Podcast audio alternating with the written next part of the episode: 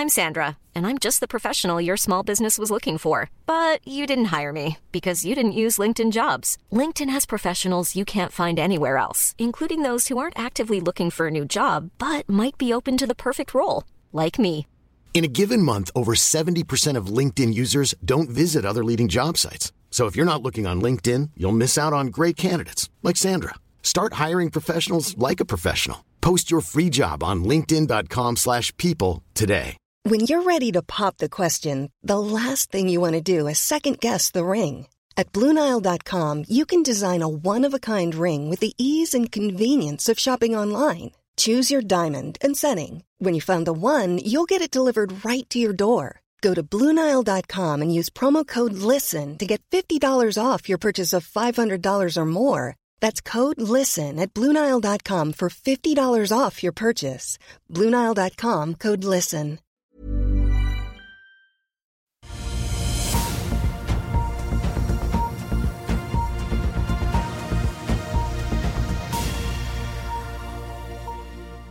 En riktig god tirsdagsmorgen alle sammen, og velkommen til Børsmorgen her hos oss i Finansavisen. Mitt navn er Marius Lorentzen, sammen med aksjekommentator Carl Johan Månes fra Smestadammen her i Oslo. Kalenderen viser 10. oktober, og mens krigsdramaet i Midtøsten ruller videre, så er det også andre nyheter som preger dagen. Toppsjefen i Statkraft går av, den norske inflasjonen faller, og Norske Skog selger en fabrikk Down Under. I dagens sending så skal vi også snakke om de stigende rentene og valutakurser med CMC Markets meglersjef i Skandinavia, Waka Sarvar, som er med oss om litt. La oss begynne med å titte litt på nøkkeltallene fra markedet. Angrepet på Israel fra Hamas og dramatikken som nå utspiller seg, har allerede satt et stort preg på det som eh, skjer i markedene, med olje- og forsvarsaksjer kraftig opp, flyaksjer ned. I går kveld så meldte Reuters at Hamas sa de ville forhandle med Israel, så vi får se hvordan det utvikler seg utover dagen. I dag venter det med Markets at Oslo Børs vil åpne opp 0,4. Nordnett venter opp 0,5, etter altså en oppgang på hele 2,31 i går til 1280. Vi har riktignok sett nivåer på over 1300 tidligere i år. Oljeprisen er ned ned en drøy halvprosent i dag til 87,50 hvis vi ser på nordsjøoljen i spot, men vi får da ta med at den steg nesten 5 da i går. Den amerikanske lettoljen ligger på 85,70. Gassprisen her i Europa, TTF-en i Nederland, steg 15% i går til nesten 44 euro per megawatt-time. Det tilsvarer jo da rett under 80 dollar fatet. En mulig gjenopptakelse av streiken ved Chevrons LNG-anlegg i Australia bidrar jo selvfølgelig til prisoppgangen, og også da selvfølgelig uro, urolighet urolighetene i eh, Midtøsten. Vi har sett børsene i Asia tikke oppover i dag. Nikkei steg hele 2,4. Hang Seng opp 0,8 etter en litt mer moderat oppgang på rundt halvprosenten på Wall Street i eh, går. Før vi kaster oss over dagens inflasjonstall, tenkte jeg bare også å nevne at det er eh, mer trøbbel i vindindustrien. Tyske EMS Fehn Group har slått sitt skandinaviske selskap EFG konkurs. Et selskap som leverer eh, tjenester innen kranløft, flytting, installasjon og service til vindmøller på land i Skandinavia. Det meldte E24 i går. og Den begjæringen kom da til Hordaland tingrett, der Simonsen Fugtvig som er oppnevnt som bostyrer. og De viser til både økonomiske utfordringer for selskapet selv og bransjen som eh, bakgrunn da for eh, konkursen. Den norske inflasjonen falt fra 4,8 til 3,3 nå i september. Mye takket være får vi si denne måneden også, den billige strømmen. og Matprisene trekker også ned, skal vi tro SSB, men holder vi da energi- og avgiftsendringer utenom å titte på kjerneinflasjonen, så falt den da litt mer forsiktig fra 6,3 til 5,7, som fortsatt er langt over målet på 2 for, eh, som da Norges Bank har eh, som mål for rentesettingen sin. Da tenkte jeg Karl Johan, vi skulle kaste oss over eh, Kanskje vi skal begynne med Norske Skog eh, aller først, som selger eh, fabrikken i Oceania. Ja, Down det, Under, sa jeg. Ja. Ja, dette, vi, vi, hadde jo Geir Rankland her inne i studio, og vi lurte på hvorfor de hadde den fabrikken der. Og han sa det at det var jo Det var jo liksom underavvikling. Ja. Nå kommer salget, så nå er de konsentrert i Europa. Så dette er jo som, som en kunne vente. Ja. ja. Det er jo lite penger for de da. 70 millioner? Ja. ja men likevel en grei avklaring eh, ja, å få for Pengene er visst allerede på konto. Så da er det et rent europeisk ja, da er skogkonsern? Det, da er det europeisk. Ja.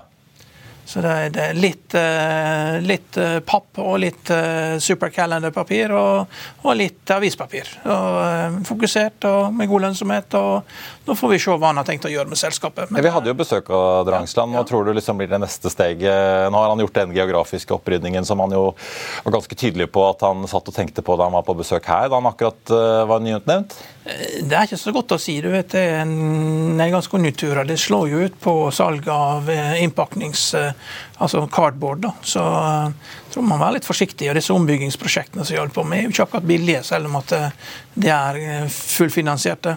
Nei. Så jeg tror vi tror må være litt forsiktige med å gjøre for store grep. og ja. Skal vi snakke kjøkken? I eh, dagens avis så skriver du eh, Det er jo litt basert på Nicolai Groves eh, satsing på dette Nobia. Du skriver ja, vi, vi, ja. nytt kjøkken er billigere enn skilsmisse. Ja, vi hadde Nicolai Grove, vi har jo en nytt, nytt podkastprodukt som heter Aksjepodden. og Der var Nicolai Grove han var gjest. Vi har hatt nå i helgen. og Han hadde funnet en ny tidoblingskandidat, og det var Nobia. og Det er jo et selskap jeg husker tilbake igjen fra tiden jeg var megler. og gikk tilbake og så på. Jeg bruker jo bare offentlig informasjon, selv om overskriften er stjålet fra en tidligere kollega. Han var jo ikke gift, da, så det er jo lett for han å Lett for han å si, si. Lett for ja. han å si, og de fleste jeg har spurt om dette, sier at det, det er ikke så lett. Det, et nytt kjøkken det, det har kommet så langt at eh, man står på kanten av skilsmisse, så er ikke det nok med et nytt kjøkken. Da. Men han som eh, ikke var gift, han mente det at eh, han, han solgte aksjene da, med dette her. At det var det som skulle til. at det var et nytt kjøkken. Et nytt kjøkken er billigere enn en skjellsmesse. På godt svensk. Ja. Dette er jo selskapet som er Sigdal HTH ja. og er børsnotert i Sverige. Ja. Og har fått kraftig medfart på børsen. Var det ned 90% eller noe sånt? Ja, Årsaken til det er jo at eh, de, har jo, de kom jo fint gjennom finanskrisen. og åtte av de siste av de, av de, ti årene før pandemien så hadde de 700 millioner kroner i fri kontantstrøm. Og det, Alt var veldig stabilt, og så bestemte de seg da for at nå må vi automatisere. må vi begynne å bruke roboter. Så de har bygd et, de er i ferd med å, ta i bruk en gigantisk ny fabrikk i Jönköping til 3,7 milliarder svenske kroner. Når du da i tillegg får økte renter og du får et eh, fall i etterspørselen, så går ikke regnestykkene helt opp. Aksjekursen er da ned med 90% og, Men du har veldig sterke eiere, da, med Nordstjernen, som var største aksjonær i Ekornes. Eh, du har eh, If, som eier Sampo, og du har den svenske stat. Eh, og det, det, som, er, det som kan være farlig her, er at den fabrikken at det er kostnadsoverskridelser, og at det ikke, ikke, blir så lett å komme i gang med den. Og at den omstillingen de skal gjøre fra å være et selskap som har vært lokalt fokusert, merkevarer. Alt har vært eh, lokalt, og det har vært eh, eh, Når du skal robotisere og alt skal bli fellesløsninger på tvers av grensene, så er det kanskje en mye større omstilling enn, enn hva man regner med. og Selv om analytikerne estimerer at dette går bra, så kan det godt hende at de ikke gjør det. og Da må de store eierne inn, og da kanskje kommer det en konvertibel her på et par milliard kroner med høy rente, konvertering til en veldig lav kurs. og da blir liksom, Det blir ikke så mye igjen da til aksjonærene som er der. Så det er det som er farlig med denne type case. Da, at eh, jo da, selskapet overlever, men egenkapitalen kan være tapt. Ja. Så det er veldig tricky eh, å være med på sånne type case. Det er, eh, det er liksom if you're, balancing, uh, if you're not balancing on the edge, you're taking up too much space. ikke sant? Så det er liksom Du tar sjans, veldig store sjanser når man gjør noe sånt der.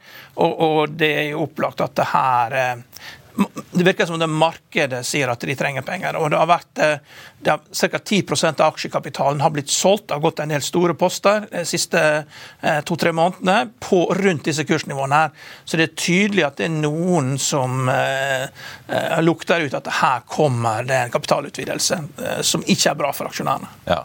Og en eh, syklisk bransje. Ja, syklisk, men den er egentlig ikke så syklisk det er klart den er syklisk. Er ikke det veldig lett å utsette av nytt kjøkken? Jo, det er det, men, men du, har jo, du, har jo, flere land. da. Det, det, har jo alltid vært sånn at når, når, det er syklisk i Norge, så har du Danmark er ikke syklisk på samme måte som Norge. Eh, de har jo fastrente lån.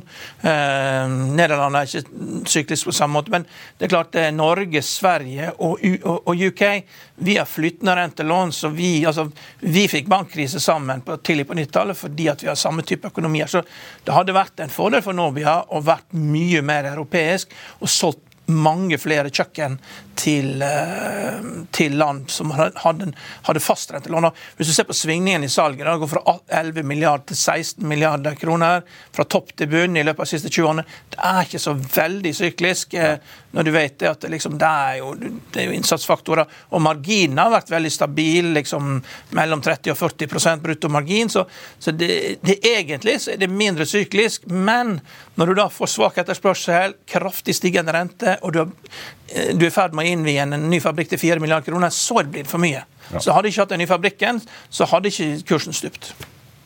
Veldig bra, Karlan. Tenkte også bare nevne før vi går til eh, reklame. Statkraft eh, melder altså at Christian Rynning Tønnesen slutter som konsernsjef. Han har jo sittet snart 14 år på toppen av det statseide kraftkonsernet. Han blir sittende frem til han eh, Eller det er funnet av en etterfølger, får vi jo si. Men utvilsomt da et stort rollebytte på toppen av norsk kraftindustri. Ellers så tenkte jeg bare også nevne PGS og TGS. PGS ute med en oppdatering for kvartalet. Faller rundt 6% fra start i dag. Jeg tar med TGS som er ned 3-4, rett og slett fordi da de to skal jo slå seg sammen og bli ett selskap etter hvert, når TGS da skal overta PGS. Ellers så er det med Markets ute og nedgraderer Telenor. De kutter anbefalingen fra kjøp til salg og kutter kursmålet fra 155 til 110. Den aksjen endte i går på 121, faller i dag ned da til 117,7 og er ned litt over 3% på Oslo Børs. Fikk en ganske pen oppgang i går, den aksjen. SalMar ute med en oppdatering på kvartalet. De fikk et slaktevolum på 78 100 og 100 100 tonn i tredje kvartal. Og så er det Ocean Sun, da, styreleder Thomas Moe Børseth og styremedlem Erik Løkke Øvre trekker seg fra sine roller. Mai Kristin Salberg er utnevnt som styreleder frem til generalforsamlingen neste år. Vi er tilbake med Wakasawa rett etter dette. Hiring for your small business? If you're not looking for professionals on LinkedIn, you're looking in the wrong place. That's like looking for your car keys in a fish tank. LinkedIn helps you hire professionals you can't find anywhere else, even those who aren't actively searching for a new job but might be open to the perfect role. In a given month, over 70% of LinkedIn users don't even visit other leading job sites. So start looking in the right place. With LinkedIn, you can hire professionals like a professional. Post your free job on linkedin.com slash people today. I'll see you in court. Vi sier det ofte litt på spøk, Men for deg som driver business, er det aldri moro å innse at du ikke har laget en 100% gyldig kontrakt. Du bør ikke risikere hele firmaet ditt fordi du synes dette med kontrakter er litt stress.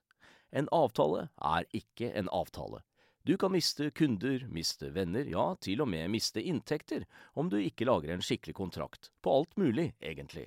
Men vi vet det er et styr. Kopimaskiner, tregprinter og haugevis av papir. Dessuten stoler vi jo på folk her i landet.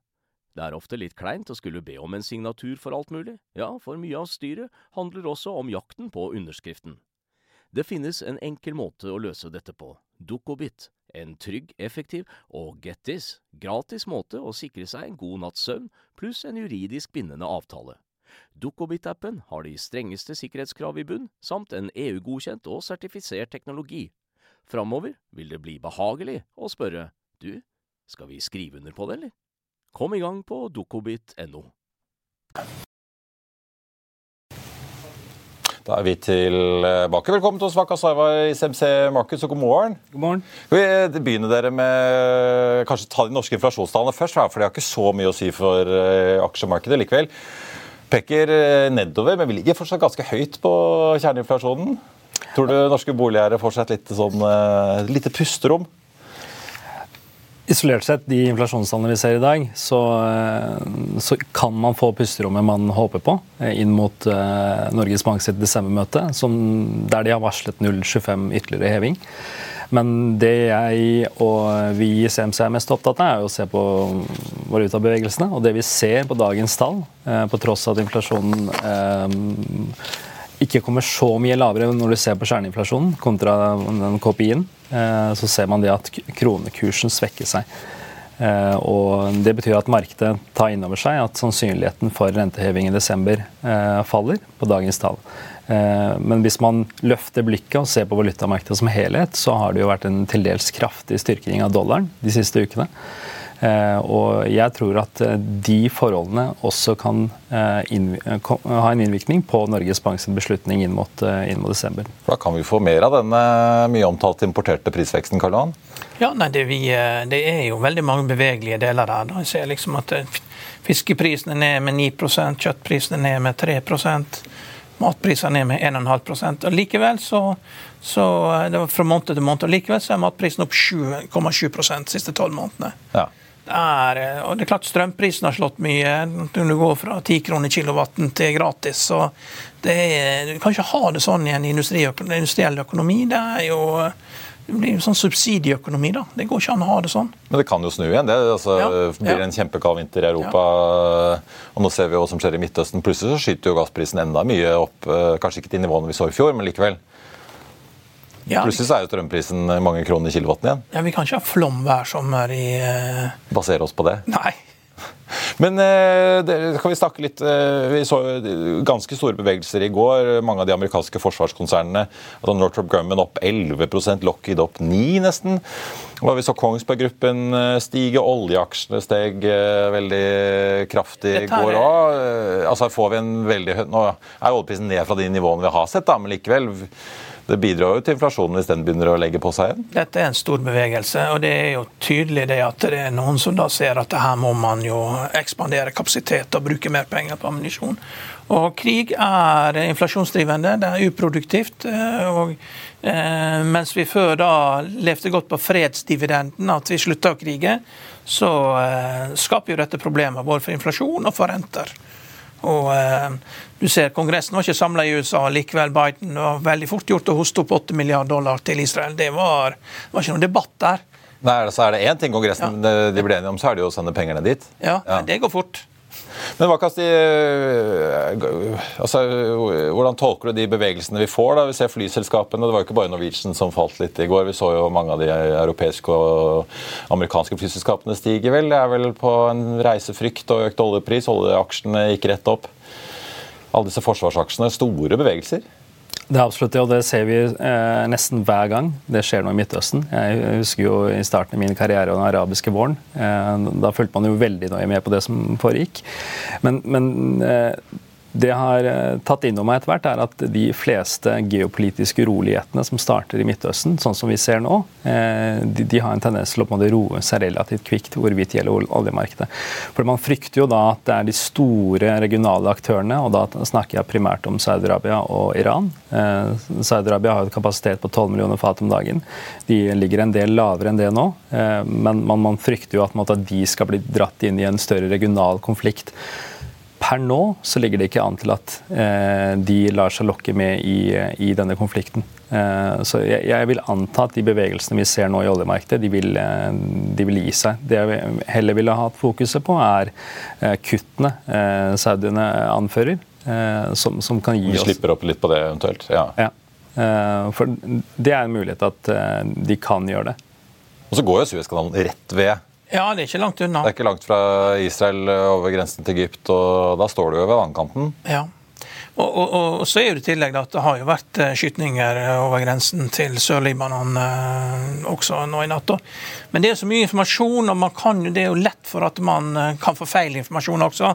Og Jeg vet ikke hvor, hvor mye du har plukka opp, men det er liksom når det står på Twitter-meldingen at USA sier at hvis Syria og Hezbollah kommer i kamp, så truer Israel med å liksom Eh, gruslegge Damaskus og uh, ta ut uh, Assad. Altså, det, er jo ikke sikkert det er sant engang, det er det som står der. Fordi at det, det, står jo på engelsk, men det er, det er, en uoversiktlig situasjon. Og det ser vi også på forsvarsaksjen i USA, at de stiger med 10% Det betyr jo at det, det var jo ingen dag i Ukraina-krigen at forsvarsaksjene i USA steg med 10 Nei. Så det er jo helt tydelig at dette her Og når Netanyahu sier dette er en krig som skal vare lenge, og det blir alvorlig og det er vanskelig, så må man ta det på alvor.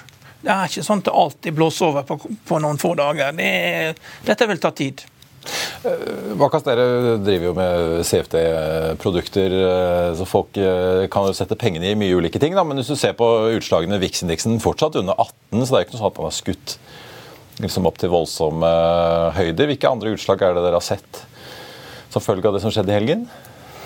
Det har jo først og fremst vært eh, på, eh, på råvarene, altså på oljeprisen. Så det er den som har på en måte løftet seg. Men den, den, er jo fortsatt innenfor de intervallene vi har sett i sommer. Så vi hadde jo eh, lave 70-tallet på Brent-kontrakten. Eh, og så har man da sett høye 80-tallet nå, men vi har jo husk at vi, vi, kommer ned fra rundt 95 dollar fatet eh, for et par uker tilbake.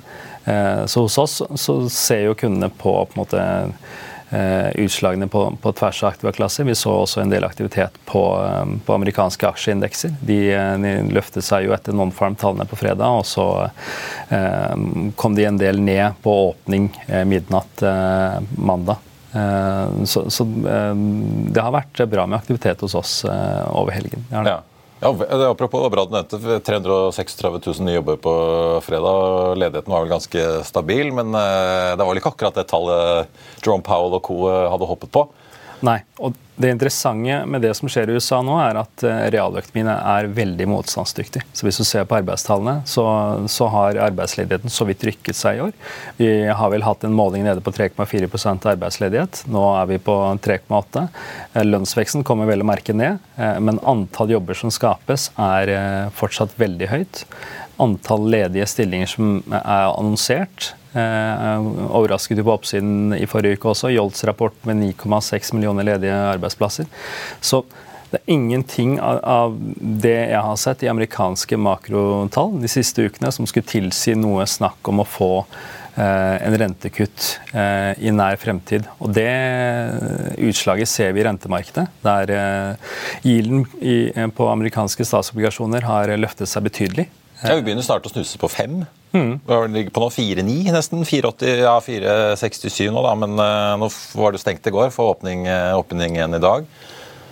Og det igjen har styrket dollaren veldig. Uh, og når dollaren styrker seg, så, så, fører det til utfordringer for de øvrige sentralbankene. Så jeg tenker sentralbanker som Norges Bank, ECB, Bank of England, som, som med forrige korsvei i september eh, stort sett eh, antydet at eh, jobben med å løfte rentene nå nærmer seg slutten, kan måtte begynne å vurdere å varsle ytterligere rentehevinger hvis rentene i USA holder seg og dollarstyrkingen holder seg. Fordi valutakursene har svekket seg til dels kraftig mot dollaren. Og det gir dem importert inflasjon. Men det er klart at det er jo fordi at eh, USA bruker for mye penger. ikke sant? Bruker jo, tar inn Det er et bra budsjett. Fem, fem trillion dollar og bruker sju trillion, så du bruker jo eh, to trillion dollar mer. Så du kan jo holde det gående en stund så lenge du får inn penger. Men det, det fine er jo når renten går opp, da, så til slutt så går du tom for penger. altså. Det, det er akkurat som en, Så USA styrer jo som en kommunistisk økonomi. Du går tom for penger og holder på sånn sett der. Og, og da er ikke det morsomt i USA heller. Eh, Men noen må jo ta støyten, da, hvis ja. Eh, sånn som vi så altså Lockheed Martin og Northrop Grumman og hele gjengen Når de stiger så mye, så er det vel basert på at uh, det er en ganske bred antakelse ja. nå i, i, markedet om at her skal det bestilles ganske mye mer på toppen ja. av det som Ukraina-krigen allerede gir aktivitet i forsvarsindustrien. Og skal de da snu seg rundt De er jo store konsern, skal de snu seg rundt og begynne å kjøpe fra underleverandører, og det blir mye aktivitet i amerikansk økonomi da? Ja, Oppskriften er jo det at når man ser at det begynner å butte imot, og så vrir man da pengene over. Kjøper man statsobligasjoner, går ut av aksjer, kjøper råvarer, får du nedgangskonjunkturen. Og da, for den, den, kommer til å komme. for du, På et eller annet tidspunkt er du nødt til å stramme budsjettet. Du kan ikke, du kan ikke kjøre sånn studentøkonomi med 20% underskudd hele tiden når du er verdens største land. Det, det, går ikke. Valg i Argentina, det blir hyperinflasjon sannsynligvis i løpet av denne måneden. 50 inflasjon per måned. Eh, og de skal jo da gjøre den samme feilen som de gjorde tidligere, å linke valuta mot dollaren. Det er jo ikke så lurt når du har største handelspartneren inne Brasil som ikke har det. Så, eh, og Da får Tyrkia problemer. Så det, eh, det, er jo en del land som ikke tåler den høye dollarrentene. Argentina og Tyrkia er jo land som dette. Så har du kriger i Ukraina, du har krig i Midtøsten som bare blir større. Og til slutt så bare løper dette her inn i murveggen, og så får du nedgangskonjunktur. Ja. Uh, nå ser vi jo Kronen i dag svekker seg jo litt, så får vi jo uh, se. Det er jo kanskje en uh, forventning om Norges Bank skal slakke av litt. Mm. Men ser dere nå liksom, at kundene flokker noe til gull og sånn? Jeg så jo forvalter Marius Borten var ute og sa han tar veldig lett på gassen når det kommer til aksjer i fondet sitt nå. Virker som har fått litt høydeskrekk. Kundene deres, da, de, er de sånn at de liksom vrir seg vekk fra aksjemarkedet, går inn i gull og mer renter? og Absolutt. Eh, vi har sett eh, avventende kunder stort sett hele i år. Eh, så mm, man er mer forsiktig på å ta risiko. For rentene har jo steget såpass som de har gjort. Og da stiller jo kundene seg spørsmål om hvor mye risiko skal jeg ta for å jage den siste avkastningen. Eh, og den har blitt mindre interessant når rentene har løftet seg såpass. Så vi, vi, vi ser at man, man, eh, er langt mer forsiktig nå enn det vi så i 2020 og 2021. Eh, og så ser vi jo at det er litt ulike tilnærming også. Det er noen som går, har begynt å snuse på gå long rentepapirer. Man ser eh, volum inn i, i VIX-futuren hos oss, som man bruker som hedge. Og så sprer man seg mer over aktiva klasser. Da. Eh, for å ikke være utsatt for eh, risikoen bare i aksjemarkedet. Eh, så vi ser absolutt en, en spredning også utover. Men Hva er det som har drevet disse rentene opp så veldig mye nå den siste tiden? Er det bare en tro om at Federal Reserve må jekke enda mer til? Det interessante eh, av det jeg ser på yield-kurven i USA, det er at eh, tiåringen og 30-åringen, eh, altså de litt lengre, de har løftet seg veldig. Vi hadde jo en tiåring på rundt 4 i sommer, tilsvarende for en 30-åring også. Her i går kveld så var 30-åringen på 4,95, tiåringen var på 4,80. Og Samtidig så har ikke toåringen beveget seg noe særlig. Eh, og det det forteller meg, er at rentemarkedet ikke nødvendigvis ser for seg ytterligere rentehevinger av noen betydning, men rentenivåene vi er på nå, kommer til å vare lenger. Eh, og sannsynligheten for rentekutt, som en del har snakket om i neste år, den, eh, den har blitt mindre i rentemarkedet nå de siste ukene enn en det det har vært. Og grunnen til det, det er at amerikansk økonomi ser ut til å være veldig motstandsdyktig. Eh, PMI-tallene som eh, vi så på servicesiden i forrige uke, kom jo på 53. Taler fortsatt for en, for en vekst i servicesektoren. Industri, som har vært begredelig her i Europa, også vært under 50 i USA, løftet seg fra 47 til 49. Så har du arbeidsmarkedet på toppen av det hele. Så de fleste datapunktene for amerikansk økonomi Eh, tilsier da eh, høyere renter en, en, en, god stund fremover, med mindre man får noen form for sjokk. Eh, og hvilken sjokk kan man få, det, det vet man ikke før i ettertiden. Men eh, jeg, jeg, tenker sånn som den uroen vi hadde i mars med, med bankene. Eh, hvis de var i trøbbel da, Eh, grunnet fall i obligasjonskursene. Hvordan ser det ut nå? Hvordan ser det ut nå? Eh, Men bankaksjene er jo ned med 20 ja. Ja. Men de må jo ha råd til å sitte på disse rentepapirene sine til forfall, ellers så blir det jo stygge tap de må realisere. Ja. Det er, eh, men, det, men hvor er denne murveggen du snakker om? da, krig, krigen, krigen, i Midtøsten er jo den perfekte unnskyldningen for at uh, du kan si av, så kom den krigen. ikke sant? Så blir det nedgangskonjunktur. For da får ikke du skylda ikke sant? Som, som, regjering. Og for Det er jo helt opplagt at USA eh, forventer at den korte renta skal ned. fordi de har finansiert hele 20% av statsobligasjonene har vært finansiert i den korte enden uh, med 5% og det var jo når den, den lange var, var under. De kunne finansiert seg billigere i lange enden. Eh, så det, det, er jo helt tydelig at de har klare forventninger om at den skal falle. Også, de, de, Vi snakket om det her i går. De skal hente inn 423 milliarder dollar i, i, i, funding. skal hente inn det i USA denne uka. her. Og det er klart, Hvis det rentene ikke går over 4,75 da, så kan man tro at dette har snudd. Eh, men det teknisk analyse er det beste måten å analysere det på. For det er, det er kapitalbevegelse, det er penger inn, penger ut, rett og slett. Og det er, det er ikke noen annen måte å analysere dette på enn å se på hva aktørene gjør. Og, og det må overføres store penger fra aksjemarkedet over til obligasjonsmarkedet. Og det må også, og hvis, hvis det i tillegg da går til råvarer, som er Hvis man tror det blir en krigsøkonomi, så er jo råvarer vinneren. Mm. Eh, så man må følge pengestrømmene. Teknisk analyse fra aksjemarkedet i USA er 4200 på SMP. Bryter det, hvis du får en sånn 3% neddag, og du bryter 4200, da er det noen som åpner kjellerlemmen. Eh, da skal man være forsiktig. Ja. Men så langt har det holdt. Men det holder bare så lenge helt til det fundamentale ikke holder lenger. Eh, da går du gjennom isen. Da er det global warming i markedet, og isen smelter. Og osj, så er det kjellerlemmen åpen. Og vi skal nok dit før dette er over. Al Gore kommer løpende, holdt jeg på å si. Jeg tenker ja. Vi er på 4335 nå, da, så da ja. har vi jo en 135 ja, sånn 3 neddag ja. nå denne uka for et eller annet problem med obligasjonsfinansieringen. Og litt mer eh, raketter i Midtøsten, så har vi det gående. Ja. Er det, er det, andre ting enn olje som liksom, uh, kundene deres kaster seg over av råvarer i en sånn situasjon? da? Klart, eh, Historisk så har det jo ofte vært gull. Mm. Eh, utfordringen denne gangen, eh, hvis du ser eh, altså så, langt i år og, og fra sommeren av, så ser du at gull har jo på en måte ikke gått i samme retning. Eh, sånn som rentemarkedet har gjort. Eh, og korreleringen med dollaren er en hovedårsaken til det. Dollaren har styrket seg såpass som den har gjort. Eh, hvis du ser dollar mot pund, f.eks., så har den gått fra 1,30 til var på vel 1,22. Du ser 1,05-nivåer på eurodollar. Så når dollaren styrker seg, så, så mm, fører det til at det er vanskelig å måte sitte i gull, selv om man, man er litt usikker på tiden man er i. Eh, fordi gull i seg selv gir jo ikke så veldig mye form for yield. Eh, men det, det, det, gjør det jo ved å sitte i dollar eller sitte i rentemarkedet. Problemet er det at eh, sikkerheten for mye av den giraktiviteten som hedgefondet, det er jo statsobligasjoner, og de faller i verdi. Mm. Da må du kjøpe mer statsobligasjoner og bruke mer dollar og veksle om og, og betale mer. Så det, den dollarifiserte økonomien det er et ganske finurlig system som gjør at eh, USA tjener veldig mye på dette. her, og eh, ja, de, som skal, de som tidligere hadde lett om å tjene mye penger på dette, med å låne japansk igjen og så plassere det nesten hvor som helst, de har ikke så lett lenger. For nå går også uh, gjenrenten opp. Sant? Det går fra 0 til en halv prosent til 1% så det er, eh, det, det er, vanskeligere å være spekulant. Men uh, folk gir jo ikke seg for de har tapt. da. Og det er noen som skal gå på noen smeller her i løpet av høsten.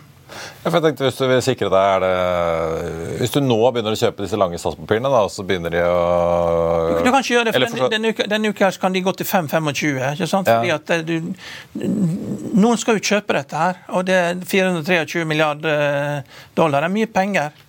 Det skal hentes inn i løpet av eh, tre-fire dager nå. Ja, men jeg tenker sånn, Hvis du sitter på en toåring ligger på fire, nesten ja, snaue fem, da, tiåringen ligger jo på fire og en kvart ish. Hvis du går inn på de nivåene nå, da, og så får du et rentekutt, da bør jo disse stige ganske pent i verdi? Jo, men det er ikke sånn de tenker. vet du. du, du eh, de har jo tapt halvparten av pengene sine. Ja, ja men jeg tenker Som privatinvestor, hvis ja. du tenker at nå vet jeg ikke hvor jeg skal sette pengene mine, ja, kanskje gull ikke er så hot lenger som det var en gang i tiden. Ja, og som det har vi sånn sett nedgangsforsikring. Fordi eh, Man har jo muligheten til å eksponere seg disse statspapirene både gjennom ETF-er og, og CFD-er. Eh, og da, da, har du de rentene på en måte som ligger, eh, ligger i bånn der. Eh, at du får en form for yield. Og, og hvis eh, markedet skulle surne ytterligere, eh, og rentene faktisk skal ned, ned igjen, og da, da, har du jo mulig en kursgevinst også da, mm. liggende der. Så en, sånn, sånn, sett en unik situasjon som vi ikke har sett på mange mange år. fordi Rentene i USA de er på de høyeste siden 2007. Fordi Renteinvestorene fikk seg jo en kjempesmell på disse kursene som da falt pga. stigende renter her i fjor. Det ble jo ikke pent. Nei, men det, det er helt fy i Norge å snakke om gull. vet du. Det er en uproduktiv investering. Norges Bank har ingenting av det. ikke Sant? Men det er klart, eh, taktisk sett da, så har det fungert sånn at når, eh, når Federal Reserve slutter å øke rentene, eh, og, og rentekurven blir sterkt stigende, og du får sånn yield curve-kontroll, der at du holder rentene kunstig nede ved at du tvinger, eh, du tvinger banker til å kjøpe lange obligasjoner og tvinger de til å finansiere staten, slik at du ikke får skikkelig avkastning. Ting alle pensjonsfond til å gjøre hvis du får den type økonomi. Med en gang noen begynner å skjønne at det er dit vi skal, så kommer gull til å bli veldig populært. Mm. Eh, da er det ingenting som stopper det. Men vi er ikke der ennå. Og du ser gull er jo ned med 10 eh, eh, Det står ikke imot renteoppgangen. altså Det har vært ned med 10% fordi at det er viktigere på kort sikt å ha dollar enn å ha gull. Ja. Det skal du Nei, Det er jo akkurat det vi ser også. At uh, gull har ikke vært den uh, mest foretrukne pla plasseringen. Uh, man har heller vært i, i, valuta- eller rentemarkedet. Og ser du den snodige bitcoin som har holdt seg. Det er merkelige greier. så det, Selv om USA gjør alt de kan for å ta knekken på det. Veldig bra. Dere, tusen takk eh, for eh, praten. Det er eh, nok å følge med på om dagen. På tappen av sendingen tenkte jeg bare å ta med hovedindeksen på Oslo Børs startet ærlig, ellers er det opp 0,3 nå fra start, men oljepris som har fortsatt er litt ned fra de nivåene vi så i går. 87,60 ligger vi på nå. Flere oljeaksjer er også litt tilbake etter gårsdagens ganske solide oppgang. Norske Skog opp halvannen prosent etter å ha solgt unna en fabrikk der. Så får vi også ta med Philly Shipyard, der sikringen har gått. De er ute med en børsmelding da, om at de ikke kommer, ikke kommer, til å kommentere ryktene om en mulig transaksjon mellom dem og den koreanske verftseieren Hanwa Ocean, så vi følger også med på den aksjen utover eh, dagen. Noen analyser er verdt å få med seg. ABG kutter kursmålet på Tomra fra 1,60 til 120 gjenta holde-anbefalingen. Den endte på 120 da i går og er ned nesten 30% så langt i år. Frontline, som jo har vært i vinden med denne transaksjonen med Euronav, der det nå forventes store utbytter fremover. Der øker ABG kursmålet fra 3,17 til 3,54, gjentar sin kjøpsanbefaling. Frontline endte i går på 2,09. Og så er det Autostore, da, der kutter ABG fra 18 til 14. Gjentar sin holdanbefaling, den ligger på 13,30. Den siste jeg tenkte å ta med, er Scatec. Der kutter ABG fra 100 til 80 og gjentar sin kjøpsanbefaling. Vi så jo med Markets eh, være ute litt tidligere og snakke om eh, det store finansieringsbehovet som de ser i fornybarselskapet. Aksjen er ned nesten 30% så langt i eh, år. Det var børsmålen for denne tirsdag 10. oktober. Husk å få med deg Økonominyhetene 14.30. Da får vi besøk av Aksje Norge-sjefen Kristin Skau, som er klare med nye tall over hva investoren gjør på Oslo Børs om dagen. I mellomtiden så får du siste nytt på FA.no gjennom hele dagen. Ha en riktig god tirsdag alle sammen. Vi ses.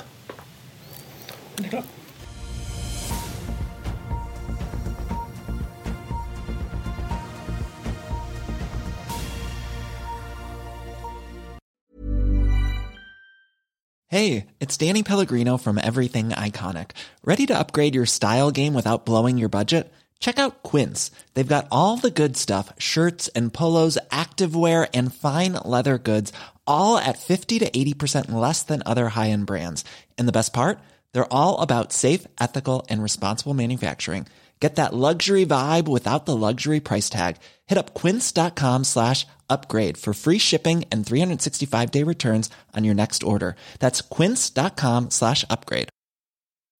When you need mealtime inspiration, it's worth shopping Kroger, where you'll find over 30,000 mouthwatering choices that excite your inner foodie. And no matter what tasty choice you make, you'll enjoy our everyday low prices, plus extra ways to save, like digital coupons worth over $600 each week. You can also save up to $1 off per gallon at the pump with fuel points. More savings and more inspiring flavors make shopping Kroger worth it every time. Kroger, fresh for everyone. Fuel restrictions apply. Økonominyhetene er en podkast fra Finansavisen. Programledere er Marius Lorentzen, Stein Ove Haugen og Benedikte Storm Bamvik. Produsenter er Lars Brenden Skram og Bashar Johar. Og ansvarlig redaktør er Trygve Hegnar.